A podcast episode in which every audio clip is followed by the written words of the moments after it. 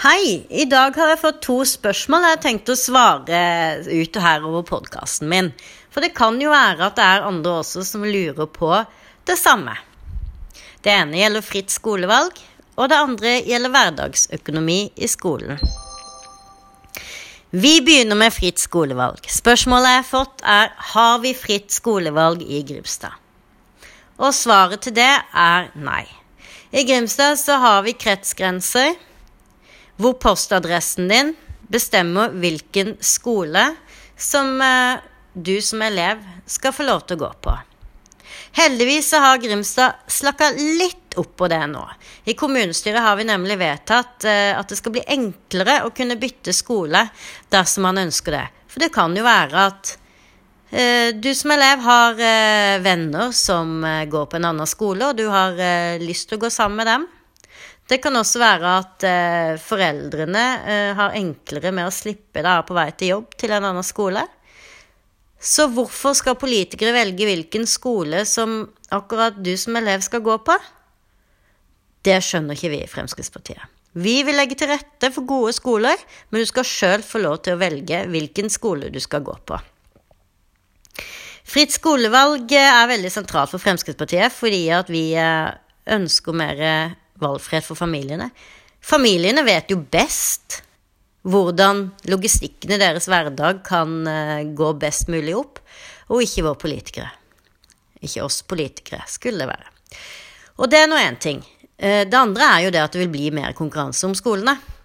Hvis det er en skole som er veldig attraktiv, og alle har lyst til å gå på den, som f.eks. Drotningborg ungdomsskole i eh, Grimstad, hvor det er lang ventekø, så skal de få lov til det. Og da må jo også de andre skolene tilstrebe seg for å imøtekomme den attraktiviteten som f.eks. Drottning Borg har.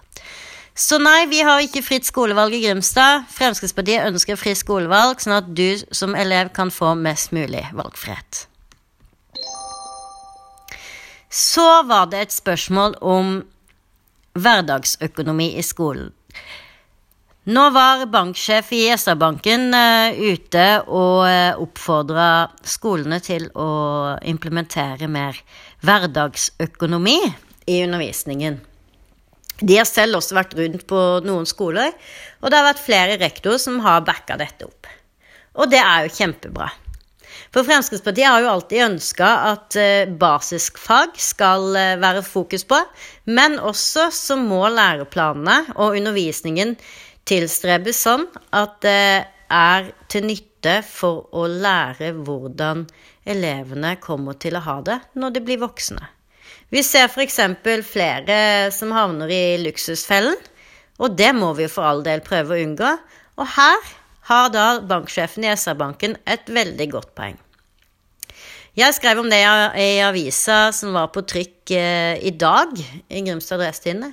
Og det jeg har allerede gjort nå, jeg har kontakta lederen av forskning- og utdanningskomiteen på Stortinget, Roy Steffensen, og gitt han innspill om at eh, når det nå revideres en ny læreplan, så må dette tas med i betraktningen.